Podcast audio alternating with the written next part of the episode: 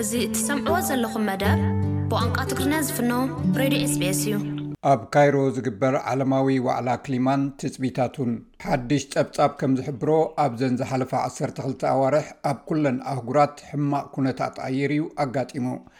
ጸሓፍቲ እቲ ጸብጻብ ከም ዝብልዎ፣ እቲ ርኽበታት ነቲ ኣብ ዝመጽእ ዘሎ ዋዕላ ክሊማ ውድብ ሕቡራት ሃገራት ማለት ካብ ዕለት ሽዱሽተ ክሳብ ዓሰርተ ሸሞንተ ሕዳር ክልተ ሽሕን ዕስራን ክልተን ኣብ ካይሮ ዝግበር ጽልዋታት ዓለማዊ ዋዒ ንምንካይ ሓያል ስጉምቲ ክውሰድ ከም ዘድሊ እዩ ዝሕብር። ፕሮፌሰር ክሊማ ዝኾነ ዴቪድ ካሮል ካብ ዩኒቨርሲቲ መልበርን ንልዕሊ ዕስራ ዓመታት ነቲ ብሰንኪ ኣዝዩ ጽንኩር ኩነታት ኣየር ዘጋጥም ጽልዋታት ክከታተሎ ዝጸንሐ እዩ። ኣብዘን ዝሓለፋ ዓሰርተ ክልተ ኣዋርሕ ነቲ ሕማቕ ኩነታት ኣየር ተደጋጋምነቱን ዕብየቱን እናደልደለ ይኸይድ ምህላው ኣብ ሓድሽ ደረጃ ከም ዝተበጽሐ ይዛረብ።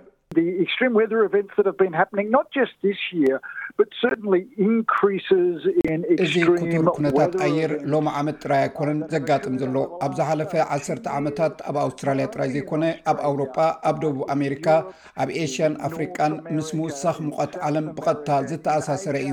እዚ ርኽበታት እዚ ካብቲ ኣብ ግብጺ ዝካየድ ዋዕላ ክሊማ ውድብ ሕቡራት ሃገራት ኣቐዲሙ ብቤት ምኽሪ ክሊማ ኣውስትራልያ እተዳለወ ሓድሽ ጸብጻብ እዩ። እቲ ጸብጻብ ከም ዝሕብሮ ነቲ ብሰንኪ ምውሳኽ ሙቐት ዓለም ዝመጽእ ዘሎ ዘተሓሳስብ ኩነታት ኣየር ንምንካይ ሓያል ስጉምቲ ምውሳድ የድሊ። ፕሮፌሰር ካሮል ነብሲ ወከፍ ካብቲ ብደረጃ ዓለም ክውሕድ ዝግባእ መጠን ሙቐት ለውጢ ከምጽእ ከም ዝኽእል ይገልጽ። ሕጂ እውን እንተኾነ ኣብ ምንካይ ብከላ ጋዝ ከምኡ ድማ ኣብ መፃኢ ለውጢ ኩነታት ኣየርን ኩነታት ኣየርን ኣብ ምንካይ ፅልዋ ክንገብር ንኽእል ኢና። እዚ ክኸውን ዝኽእል ግና ኣብ ኣውስትራሊያ ጥራይ ዘይኮነስ ኣብ መላእ ዓለም ንዝህሉ ጋዝ ካብ ግሪን ሃውስ ዝወፅእ ብከላ ምስ እንቕንሶ ጥራይ እዩ። ምኽንያቱ ነፍሲ ወከፍ ክፋል ዓለማዊ ዋዒ ነቲ እናወሰኸ ዝኸይ ዘሎ ኩነታት ፍጥነትን ጻዕቅን ሕማቅ ክሊማ ብዝያዳ እናማዕበለ እዩ ዝኸይ ዘሎ ኣውስትራልያ ኣብ 230 መጠን ብከላ ብ43 ሚታዊ ንምጉዳል ተማባፂዓ እያ ሕጂ እውን ካብቲ ዓባይ ብሪጣንያ ኣብ 230 ዓሊማቶ ዘላ ምንካይ ብከላ ብ68 ሚታዊ ናይ ኣሜሪካ ድማ 52 ሚታዊ ዝወሓደ እዩ ቤት ምኽሪ ክሊማ ከም ዝብሎ እቲ ኣብ ኣውስትራልያ ኣብ ክልተ ሽሕን ዕስራን ዕላማ ዝገበረ መጽናዕቲ ናብ ሰብዓን ሓሙሽተን ሚእታዊ ምጉዳል ብከላ ከም ዘድሊ እዩ ዝሕብር። ቀዳማይ ሚኒስትር ኣውስትራልያ ኣንቶኒ ኣልባነዝ ኣብቲ ኣብ ግብጺ ዝካየድ ዋዕላ ኣይክካፈልን እዩ። ሚኒስተር ክሊማዊ ለውጢ ክሪስ ቦውን ነቲ ናይ ኣውስትራልያ ልኡኽ መሪሑ ናብ ግብጺ ዝኸይድ እዩ። እቲ ልኡኽ ኣውስትራልያ ኣብ ክልተ ሽሕን ዕስራን ኣርባዕተን ምስ ጎረባብታ ደሴታት ፓስፊክ ናይ ውድብ ሕብራት ሃገራት ናይ ክሊማ ኣኼባ ብሓባር ከተእንግዶ ጎስጓስ ክደፍኣሉ እዩ ተሓባባሪ ፀሓፊ እቲ ፀብፃብ ናይቲ ክሊማዊ ካውንስል ዶክተር ወስሊ ሞርጋን እቲ ኮፕ ዕስራን ሸውዓተን ተባሂሉ ዝፍለጥ ናይ ሎሚ ዓመት ዋዕላ ክሊማ ኣብ መዳይ ዲፕሎማሲ ኣውስትራልያ ኣብ ክሊማ ዘለዋ ፅቡቅ ስም ኣብ ግምት ዘእተወ ክኸውን እዩ ይብል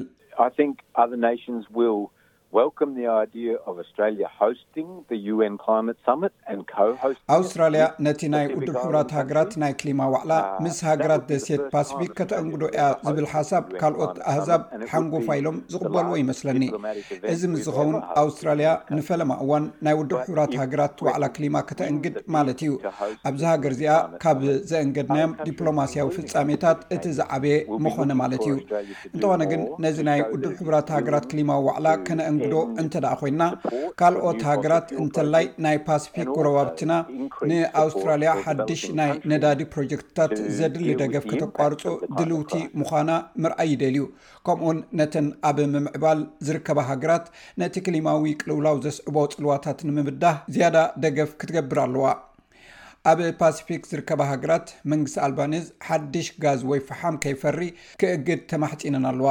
እዚ ኸኣ ኣውስትራልያ ነቲ ክሊማዊ ለውጢ ከም ሓደ ፀጥታዊ ጉዳይ ናይ ዞባ ገይራ ክትሪኦ ዘተባብዕ እዩ።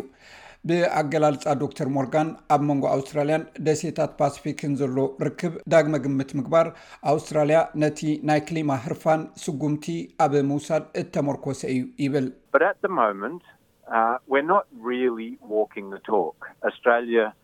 ኣብዚ እዋንዚ ግና ነቲ እንብሎ ኣይንገብሮን ዘለና። ኣውስትራልያ ኣብ ክልተ ሽሕን ሰላሳን ሓድሽ ዒላማ ኣለና።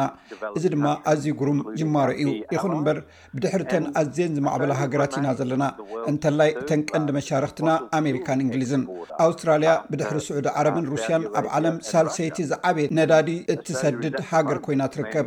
ከምኡውን ኣውስትራልያ ሰደድ ከሰል ከምኡውን ጋዝ ንምስፋሕ ኣብዚ እዋን መዲባ ኣላ ኣብ ሄልዝ ኣሊያንስ ሓላፊ ፖሊሲ ዝኾነ ኣርትር ዋይንስ ኣብ ኮፕ 27 ዝካፈል እዩ ከም ናይ ቀደም ኣብ ውድብ ጥዕና ዓለም ናይ ክሊማ ኣማኻሪ ነቲ ብሰን ክሊማዊ ለውጢ ዝመፅእ ዘሎ ዓለም ለኻዊ ናይ ጥዕና ፅልዋታት ንምግንዛብ ዝወስድ ናይ ሓቂ ስጉምቲ ክንሪኦ ከም ዝኾነ ይገልፅ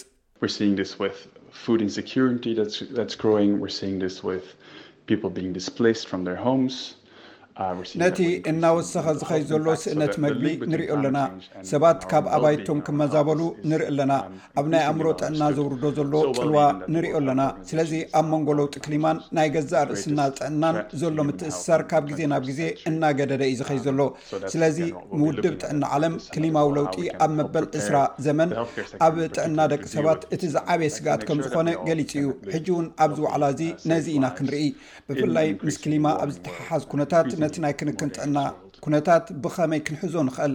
ስለዚ ኣብዚ ካብ ግዜ ናብ ግዜ እናገደደ ዝኸይድ ዘሎ ዓለም ኩላትና ጥዑይን ውሑስን ህይወት ክንነብር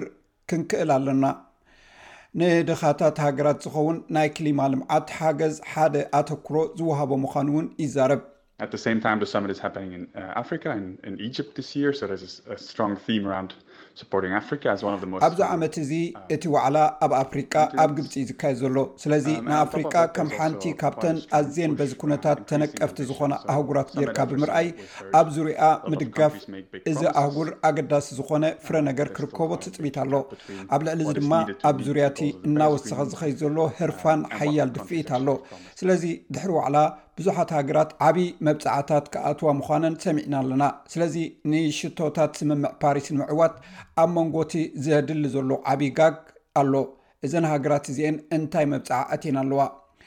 እቲ ዓለም ለኻዊ ናይ ክሊማ ፋይናንስ ዒላማ ኣብ ዓመት ሚእትን ሓምሳን ሸውዓተን ቢልዮን ዶላር ኣውስትራሊያ ወይ ሚእቲ ቢልዮን ዶላር ኣሜሪካ እዩ ተባሂሉ ዝግመት።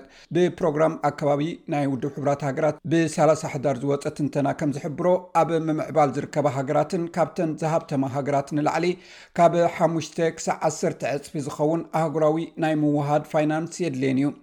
ናይ ቀረባ እዋን ጸብጻብ ናይ ክሊማ ካውንስል ከም ዝሕብሮ ኣውስትራልያ ኣብዚ ከባቢ ትገብሮ ደገፍ ብዓሰርተ ዕጽፊ ክብ ከተብሎ ኣለዋ ኣብ ዓመት ብውሕዱ ኣርባዕተ ቢልዮን ናይ ኣውስትራልያ ዶላር ክትውስኽ ኣለዋ እዚ እውን ናይ ኣውስትራልያ ኢኮኖማዊ ዓቕምን ናይ ታሪኽ ኣበርክቶ ኣብ ብከላ መሰረት ዝገበረ እዩ ዶክተር ሞርጋን ኣብዚ ናይ ሎም ዓመት ዋዕላ ኮፕ ሓደ ካብቲ መዐቀኒ ዓወቱ ኣብ ፋይናንስ ክሊማ ዕብት ምርኣይ እዩ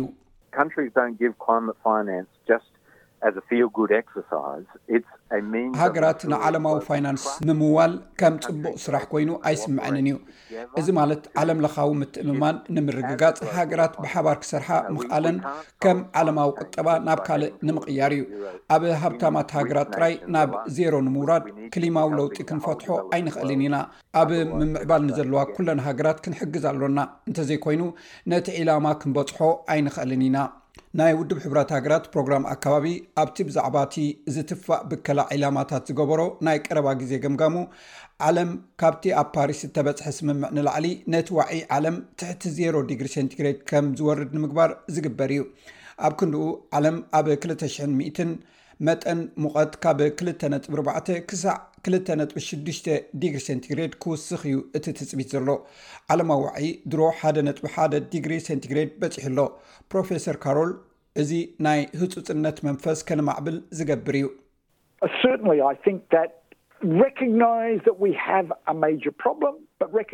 ዓብይ ፀገም ከም ዘሎና ኣፍልጦ ክንህብ ኣለና። ይኹን እምበር ኣፍልጦ ክበሃል ከሎ ነዚ ክንሃንፆ እንኽእል ዕድላት ኩላትና ብሓባር እንተፅዒርና ሓድሽ ኣውስትራልያን ሓድሽ ዓለማዊ ቁጠባን ከም ዘሎ ኣፍልጦ ምሃብን እውን እዩ። ካብ መስመር ቴሌፎናት ናብ ተንቀሳቓሲ ቴሌፎን ዝነበረ ለውጢ ብቕልጡፍ እዩ ኣጋጢሙ። ምጅማር ምስግጋር ናብ ተሓዳሲ ጸዓት፣ ኣውስትራልያ ክትገብሮ ዘለዋ ኩሉ ናብ ተሓዳሲ ሓይሊ ምቕያር ንሓድሽ ቁጠባ ዘንቀሳቕስ እዩ። እዚ ሬድዮ ስቤስ ብቋንቋ ትግርኛ ዝፍኖ መደብ እዩ።